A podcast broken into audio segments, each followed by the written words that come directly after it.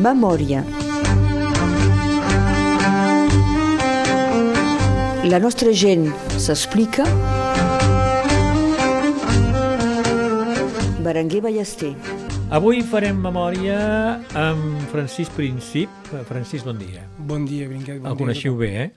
Perquè és un home que en aquesta ràdio ha estat present durant temps, anys, sobretot parlant de veneres, també ha participat eh, en converses polítiques, perquè és un home compromès políticament, això arribarà després.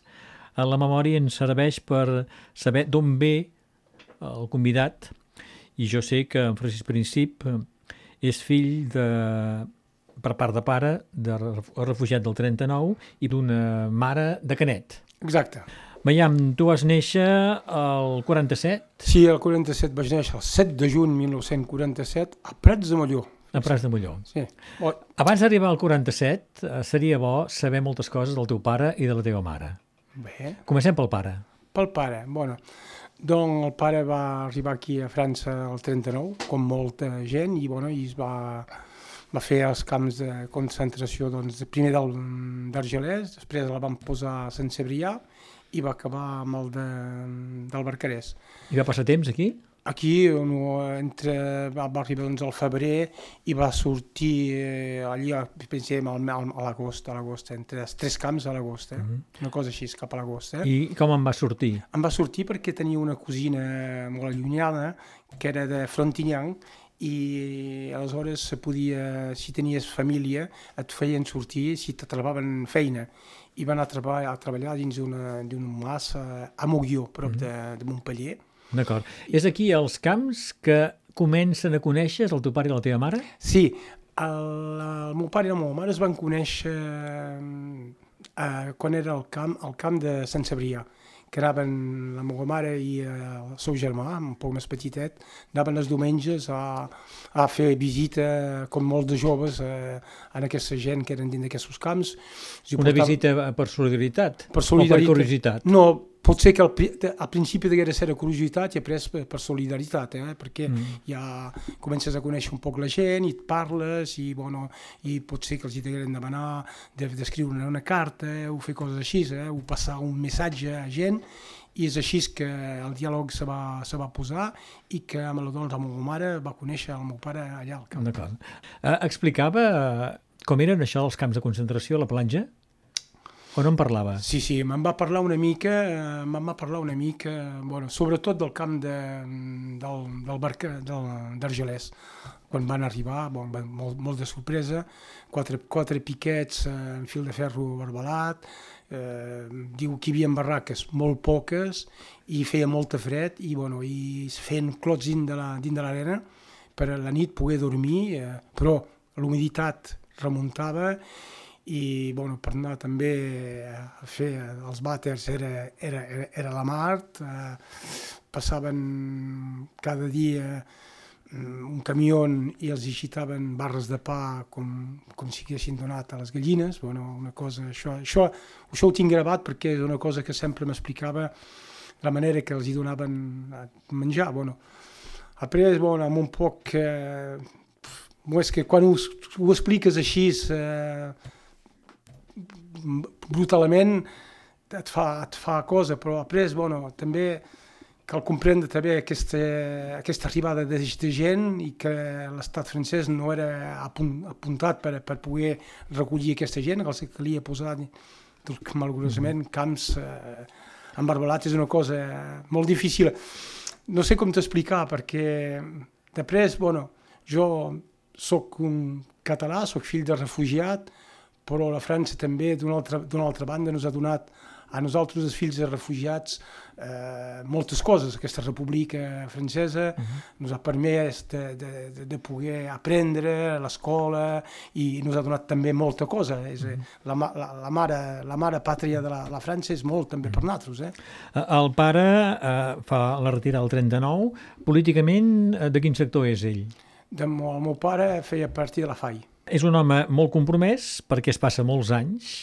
De més, de més Després dels camps de concentració passa també la resistència. Sí, perquè el pare, eh, no, el que no t'he explicat és que el pare també, quan va entrar aquí a França, portava dues condenacions a mort de, del Franco perquè feia partir doncs, de, del contraespionatge de, de la...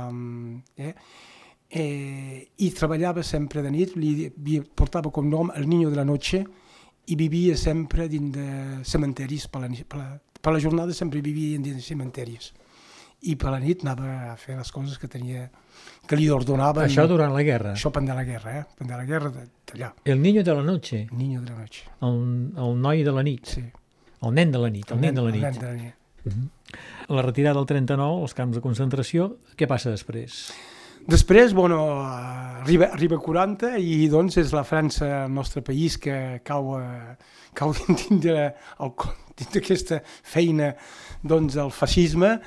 I bueno, com molt de, molts d'espanyols eh, entra la divisió del Leclerc i, bueno, i la primera cosa és que mira de, de s'escapar per poder anar també amb l'idea de poder anar cap a Inglaterra, eh, cap a, a veure si amb el de Gola, i el van fer presoner a Dunkerque.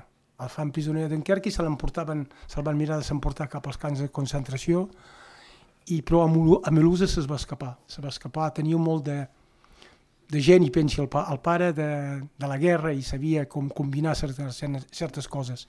I va poder arribar de Melusa fins a Montpellier, i a Montpellier el van agafar una rafla, i aquí se'l podien tornar a endur, però bo, bo, no sé com se'n va poder en sortir en dient que anava a veure el seu pare, que era Canet, i el vam anar fins a Canet, és aquí que va retrapar la família de la meva mare amb el meu avi, i que allí, aquí, doncs, pendent tot el cap de la fi de la, de la guerra, eh, es va entrar doncs, al maquís, eh, un maquís molt important que portava en aquella època la mare de, de la madame Jonquera d'Oriola de, de, de Cornellà. La mare era resistent? Era resistent, era resistent aquesta dona, i és aquí, en aquesta època, doncs, que el meu pare es va ajustar, ajuntar amb la meva mare i que va néixer el 44 la meva germana, mm -hmm. que va ser la primera a néixer el 44. Aquí i va la meva germana va néixer a la plaça Rigó, molt, molt, molt, prop, molt prop d'aquí. Aquí a Perpinyà.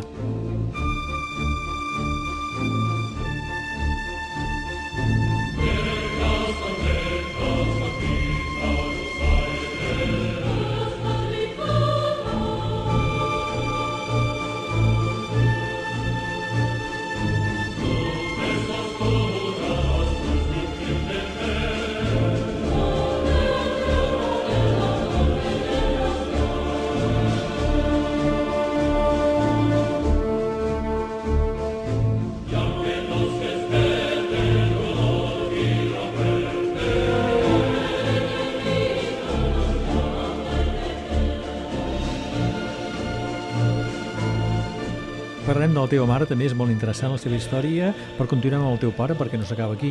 S'acaba la guerra i ell continua encara. Ell va continuar fent guerra, sí, el pare, sí. el pare sempre va fent amb guerra. Amb la intenció de tornar al sud, eh? Exacte, això, com, com els havien dit, que amb les mateixes armes que liberarien París, se liberaria Madrid, va fer partir de tots aquests no sé si eren els guerrilleros que els deien o tot això, que es van posar aquí sota tota la, que sigui de, de Cervera fins a Andaia, tota, la, tota aquesta cadena de, dels Pirineus, per mirar de passar i s'apuntar per tornar a reconquestir eh, tornar mai a Madrid. I bueno, hi anaven alguns, de quan en quan passaven doncs, com que va anar ell viure a Prats de Molló i per, per poder fer viure la família de, doncs, ell, la meva mare, la meva germana, que era grandet, i jo que vaig néixer el 47, un poc més tard, eh, va muntar una carbonera i aquesta carbonera... A Prats de Molló? A Prats de Molló. La tenia exactament al veïnat d'en Cumes, quan arribes a Prats de Molló, a mà dreta, pujant al, al, allà dalt. I què vol dir muntar una carbonera? És, una carbonera és trencar aibres, sí. els a tallar, els a, els a, els a cremar, après posar terra de vers de sus i es consumeix i aquesta fusta fa carbó. I vens el carbó. I après vens el carbó. Un, un dia un, un me va dir si ton pare hagués quedat eh, aquí dalt a, a Prats de Molló ja no, no, no hi iria ni un aire. Era molt treballador. És molt treballador, molt, molt valent. Tu vas néixer a Prats de Molló, sí. ell munta aquesta carbonera i continua pensant I, doncs, anar cap al sud. I anar cap al sud i anant fent patant algunes cosetes de quan en quan, baixaven a 3 o 4 i eh, el 48 van baixar, en 3 o 4 van baixar i del costat de Molló els esperaven i, eh, i van ferir el meu, el meu padrí, Antonio López, que és molt conegut dins, de, dins dels diaris de, de, de tot això de, de, de la retirada, i el van agafar, se'l van emportar a Barcelona i quan va ser eh, a punt el van passar al pelotó i el van fusillar. I això ja era el 48 i és aquí que el pare es va restar de fer guerra, doncs 12 anys, Des del 36 del 36 al 48. fins, a, fins al 48. I llavors, eh, què baixa? Baixa Ah, aquí I a la llavors, plana? llavors va, van tornar cap a Canet i, bueno, Sí. i es va posar, la primera cosa que va començar a fer es va posar a plantar arròs a Canet Plaja. Uh, va plantar arròs i això ho portava, eren terres del, del cardiòleg, el doctor Baibé, el doctor Baibé, i eh, l'arròs ho portaven tot a, a aquesta casa que es deia Riperlis, que era eh, cap a mig, a mig Bernet. I tenien dos camps d'arròs i això va fer molts anys d'arròs plantant Doncs arròs. es feia arròs a Canet. a abans. Canet es feia una part de lo que es port avui, Sí. Era, era arròs, Arrossars. era arrossars, i quan baixes de, de Canet Vilatge, que te'n vas cap a Canet Platja, tota aquesta partida que, que agafes la carretera que vas cap a Sant Cebrià, aquí al peu del mas de l'Esparrú, tot això també era, era, era arròs. I quan s'acaba això de l'arròs? Això se va acabar, què et diria jo?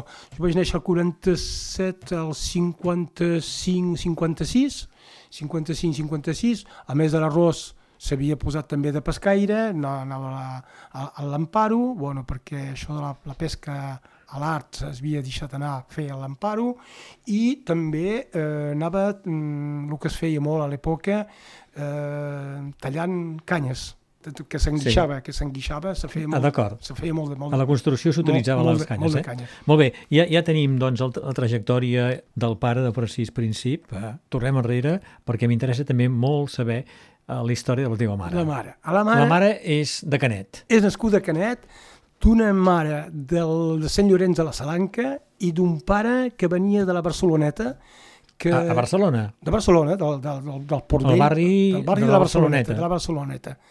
Ell, el- l'avi, el, meu avi, del pare de la meva mare, varen sortir al cicle no passat però l'altre, antes de 1900, potser que deguera ser el 1890 o 95, una cosa així, exacte no et podria dir, perquè la seva mare era viuda i amb les seves dues germanes aquesta dona se'n va agafar els dos tres mainatgets i morts Soles. soles i per la carretera a I peu, caminant. caminant, caminant cap a França i varen fer cap doncs, a Sant Llorenç de la Salanca i és allà que es van fer grans i que el meu avi va conèixer la meva àvia, que era filla de pescadors, i que es van posar a pescar a, Sant Llore- a l'estany de Sant Llorenç de la Salanca. Mm. En aquella època, tots els pescadors de Sant Llorenç de la Salanca vivien l'hivern de l'estany de Sant Llorenç, però a l'estiu es posaven per les platges, que seien el Barcarès, Canet, Sant Cebrià, i hi baixaven a pescar, a fer la pesca a l'art, posant anses o palangres a les vores. I es feien barraques, les mateixes barraques que tenien a l'estany de Sant Llorenç, se'ls feien a la vora de la mar. Vivien a les barraques. I vivint dins les barraques. A l'hivern a l'estany i a l'estiu a la platja. a la platja. Tenien dos eh, residències, diguem. Sí. Eh?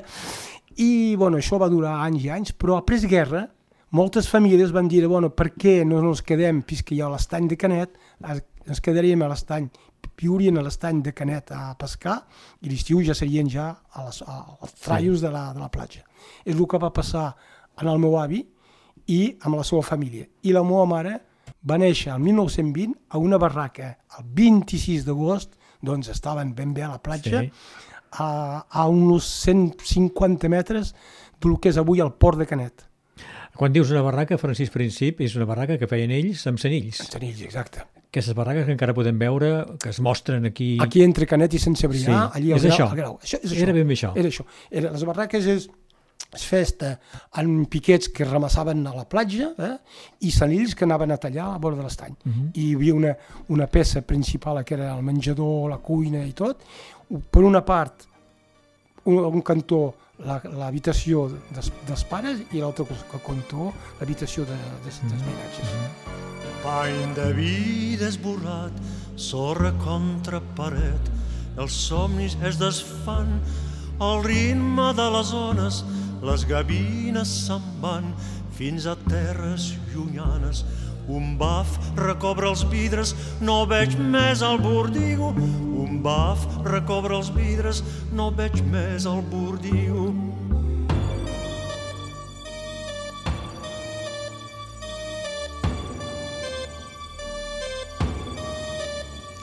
Les nits al bordigo, nits de trucs, de xarades, contes a trabucaires, correndes i rondalles, històries d'amor per endolcir el cor, històries d'amor per endolcir el cor, pany de vida.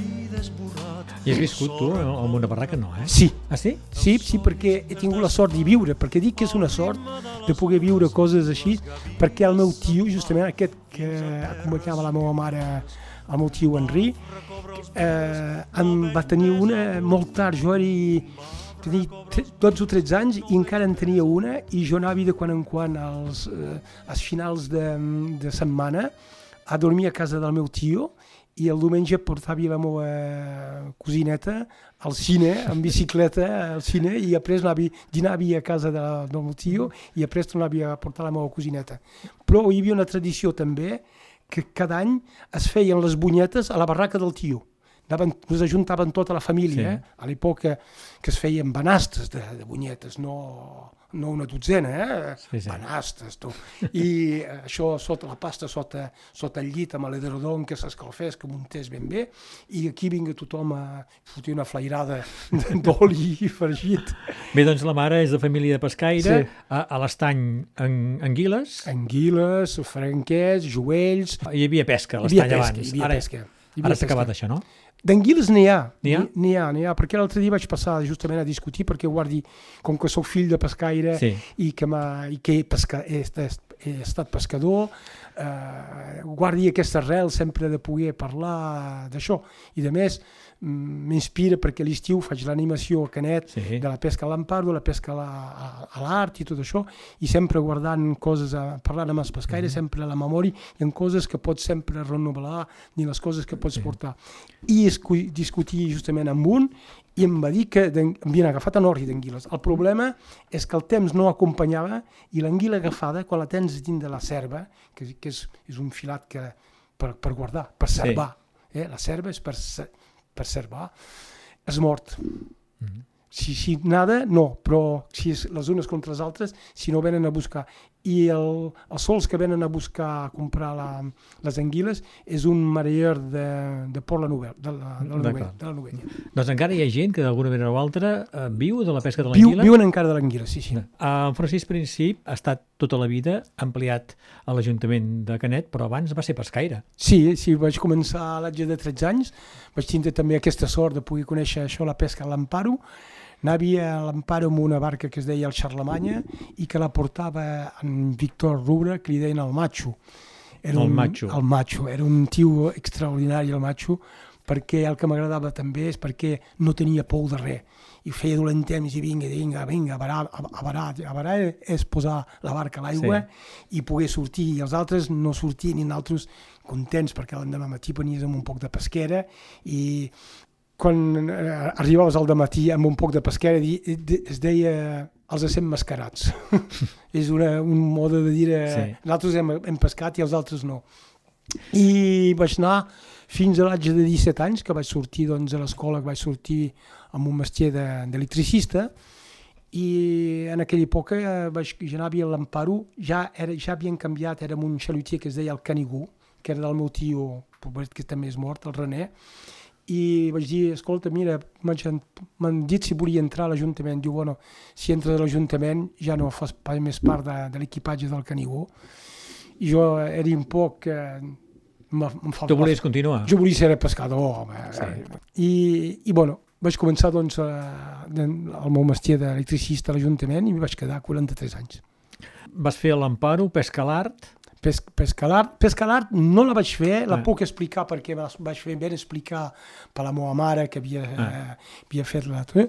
bueno, ara ho, tots els estius vaig a la platja de Canet, eh, tots els divendres a explicar a la gent i fem la pesca a l'art, fem Mm. tirar la gent i s'enduen el peix eh, que, que han agafat. Eh, bueno, D'acord. Recordarem que l'Amparo és aquest sistema, aquesta tècnica, que amb un llum atreus eh, Fa- eh, fas pujar. els peixos. Sí, el- els fa... la llum, la, la llum fa, fa pujar el peix i llavors quan, quan és ben, ben, ben Sí. amunt amunt poses el filat i, la, i Te'ls l'agafes. emportes, eh? I l'art és des de la platja estirar, no? Estirar, exacte. És això, eh? Això és el que expliques cada estiu eh, a Canet. Sí. Francís, és normal, no?, que amb tot això eh, hagis creat un grup de maneres? Això va ser una, una coincidència. Les veus de l'estany. Les veus de l'estany, una coincidència. Jo vivia en aquell, fa 20 anys, eh, vivi 20, 20, 20, 20, 20 anys, eh? vivia a, a, a, a Sant Nazari i vaig anar a cursos de català. No per, per parlar, perquè, bon, per, per ho xerrar, per, però volia saber un poc de lletra, perquè de lletra no, no, no en sabia. I feien cursos una senyora que li deien Nini, que era la dona d'en Víctor Ortiz, i cada, cada cop que acabaven de, de, de, de cantar venia el Víctor amb quatre papers i cantaven uns 10 minuts al final, co- cançons de casa nostra, bueno, un poc de tot. I un dia em diu, sortint, em diu, jo veig que t'agrada de cantar tu. Diu, pa, passa a casa, irem al casot, que tenia una casa i un casotet tocant de, dins de la casa. Diu, te faré escoltar una cosa que mai no he sentit. Bueno, vaig passar un dia, va posar un casset, i li dic, oi, dic, això són habaneres. Diu, ui, que coneixes? Ho coneixies? Sí, dic sí, perquè de quan en quan vaig a, a Calella, Rosa i tot això, i veig cantades i, i vaig escoltar, i és, és, un, és un gènic de, de música que, que m'agradava. Vaig trobar això interessant. A més, era els vells ratllats de mariners, Sí. també me tocava això un poc. I bueno, i varen començar a, ai, ni, ni, ni, ni, ni, una o una altra, i començar a cantar amb el casset. Tenia un company, André, li vaig dir, t'agrada cantar? Vine a cantar. Després van fer vindre en Joanet, el nebot de Tri, i varen començar, quasi bé anaven dos o tres cops per setmana a, cantar, a cantonar. I, i varen començar a dir dins del poble que nosaltres cantaven habaneres, cantaven habaneres, cantaven habaneres. El poble de Sant Nazari, molt petitet, se va enterar que hi cantaven habaneres i la senyora René Casanova, que era presidenta de la, de la Sardana, va, va poder fer l'àpat de fi de saison de la Sardana. Diu, teniu que de vindre a cantar habaneres. Diu, no, que nosaltres no som capaços, que aquí, que allí. Diu, sí, sí, sí, bueno, van anar, diu, us convidarem a, a dinar. Van anar i van cantar 18 peces. Més aviat, sis cops, tres peces, només en tenien que tres. I però la gent contents i tot, eh? i va, se va aixecar un senyor, el pare Cama, Camarrassa, que el seu fill és un amic meu, i es va treure la gorra i va fer, va passar per mig de la gent, i en aquella època, doncs, el 90, escolta, 94, el 94, ens van fer de propines eh, 700 francs. Carai. Hòstia, tu, van dir, hòstia, si, si la gent així ens donen 700 francs, nosaltres anem a fer un grup. I el demà van vindre i van fer un grup. I és així que van ser el segon grup del departament, que alguns mesos antes, els mariners del Canigú, ells havien fet deixar Sí. primer. I nosaltres sembla van ser el segon grup. Molt I, bé. I un any hem festejat els 20 anys, hem fet 7 CDs, hem cantat no sé, més de mil vegades, hem anat a Cuba, hem anat a, a Itàlia, a Espanya... a- Quina aventura, no?, aquesta de les Exacte. habaneres, eh? i una cosa que no pensaven mai, eh, com dius, una aventura, una aventura.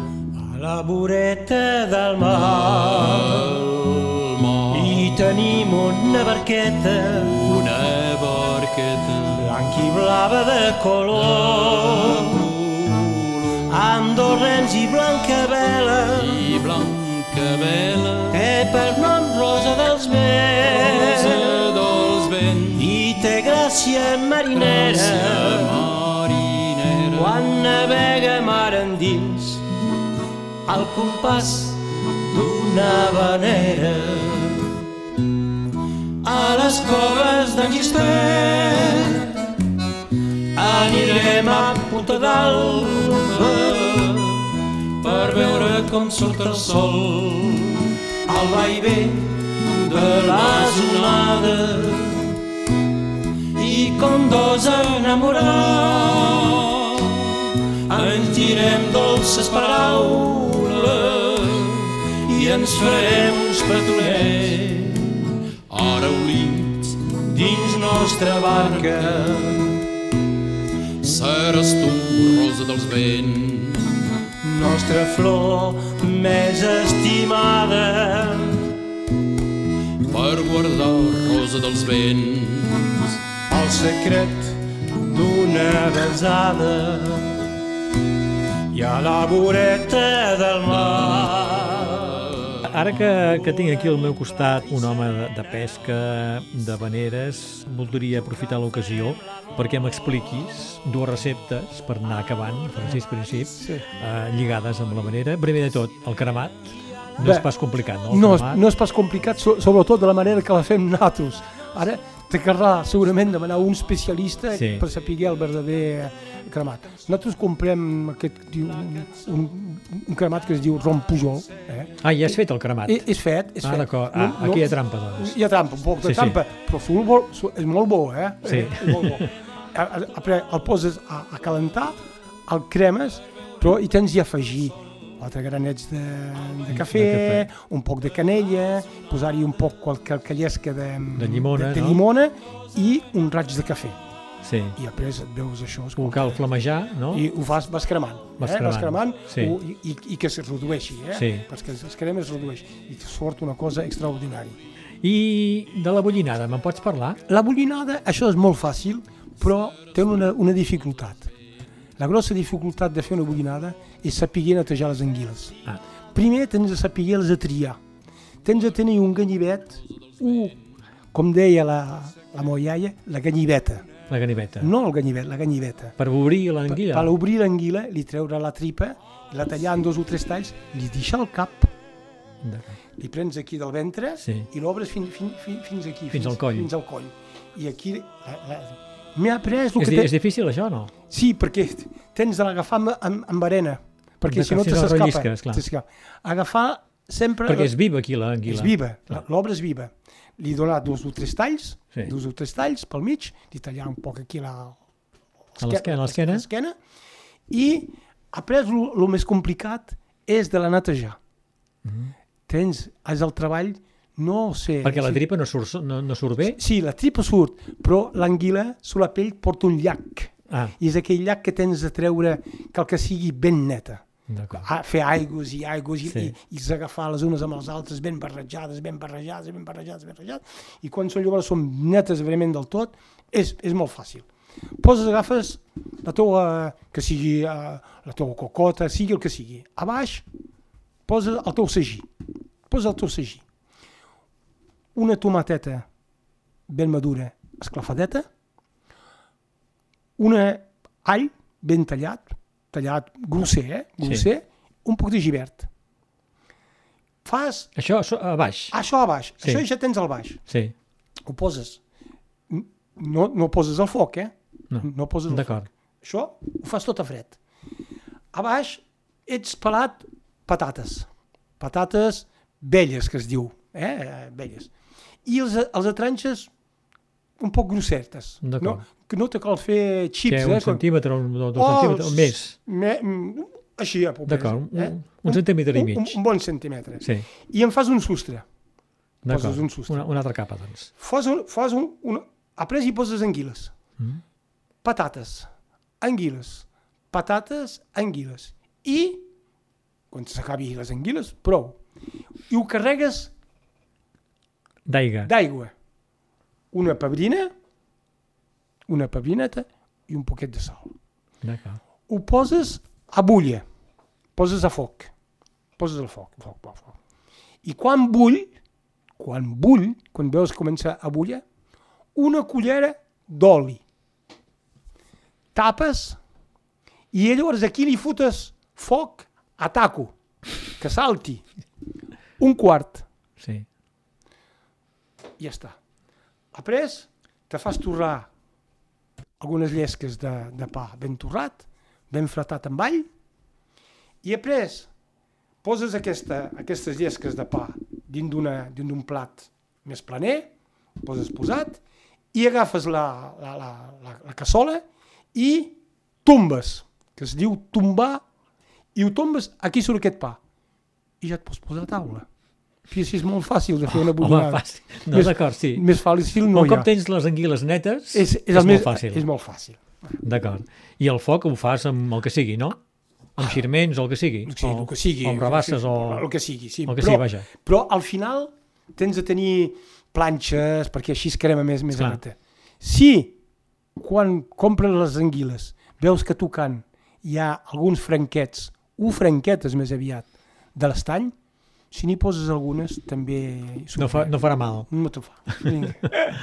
Molt bé. Ah, en fas de, sí, sí, de bullinades? Sí, sí, ca- cada any me'n faig un o dos vegades dins l'hivern eh, per poder menjar amb el meu cunyat, Sí. que és un parisien, que es diu Daniel Amadieu, que és un tio extraordinari i que eh, és un parisien, però mira, el veiessis, és caçador, pescador, eh, boletaire, tot, tot, i tot ho sap fer, però la bullinada li agrada que sigui jo que li faci. Molt bé. Amb quin vi ho acompanyes, això? Mira, eh, con, de, vi, Amb el que tinguis? no, però vi, Ah. vi roig, Sí, vi negre, clar. vi negre. Sí, sí. A la gent d'aquí be- bevem sempre vi negre. clar. Eh? Molt bé. Una memòria molt plena, sobretot pel pare i la mare, Sí, perquè... amb bueno, unes històries han estat, que eh, recordes bé, no? Sí, perquè me'n recordo perquè el meu... Eh, no sé com t'explicar. Eh, avui en dia els pares i les mares eh, van a recontar historietes en, en els mainatges eh, i fo, abans, abans d'anar al llit els, els cal anar a fer un petó, els cal anar a fer això, que aquí, que allà, a l'esquerra.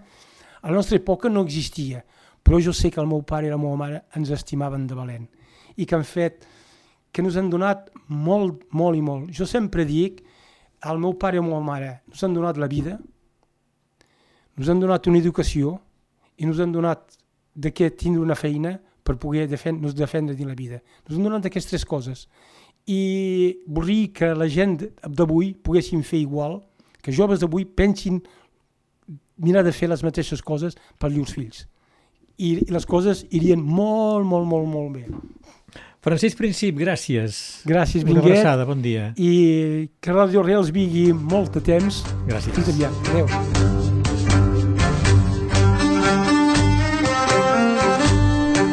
Memòria. La nostra gent s'explica. Berenguer Ballester.